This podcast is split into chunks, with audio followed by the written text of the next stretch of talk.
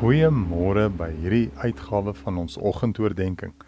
Vanmôre wil ek so vlugtig met jou gesels oor Israel wat uit Egipte uitkom nadat Moses hulle uitgelei het. Nou die hele verhaal gaan daaroor dat uh, Moses vir Farao moet sê hy moet God se mense laat gaan.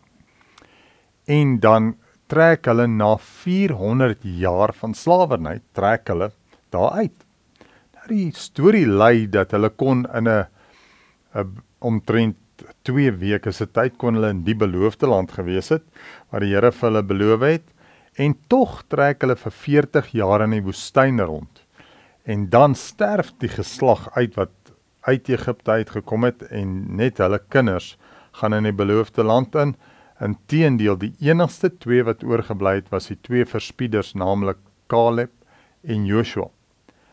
Ek wil hê jy moet agterkom. Hierso's 3 verskillende fases. Die een fase is die slawerny en dan trek hulle uit en dan kom hulle in die volgende fase en dan is hulle in die woestyn en die laaste fase is die mense wat die beloofde land beerf het. Nou dink 'n bietjie uit al hierdie Israeliete.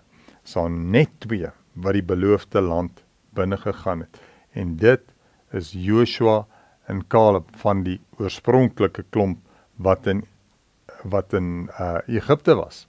Hoekom deel ek dit met jou? Ek wil hê ons moet verstaan dat om in oorwinning te leef en te kom waar ons moet kom, kan ons partykeer uit ons slawerny uit beweeg net na 'n nuwe vorm van slawerny toe waar ek net 'n slaaf is van my eie goed en nie van ander mense nie. Of ek kan besluit dat ek gaan voortgaan en ek gaan vasby aan die Here vasbyt en aan die Here vashou en aanvaar dat ek gaan oorwinning moet behaal deur hom wat vir my die vermoë gee om die oorwinning te kan te kan behaal. Nou Joshua kom dan in Joshua uh, as ek nou reg onthou 24 dan sê hy kies julle wie julle wil dien. Want as hy met hierdie ouens praat dan sê hy julle moet kies maar ek en my huis ons gaan die Here dien. En dan sê hy moenie maak soos julle voorvaders nie wat gehinker het en terugverlang het nie. Sien as ons terugverlang na ons verlede, dan kan ons nooit in besit neem wat God vir jou en vir my wil gee nie.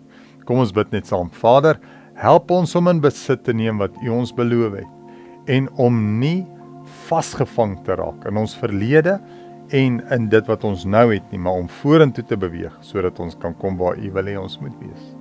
Amen. Geseënde week vir jou ook verder.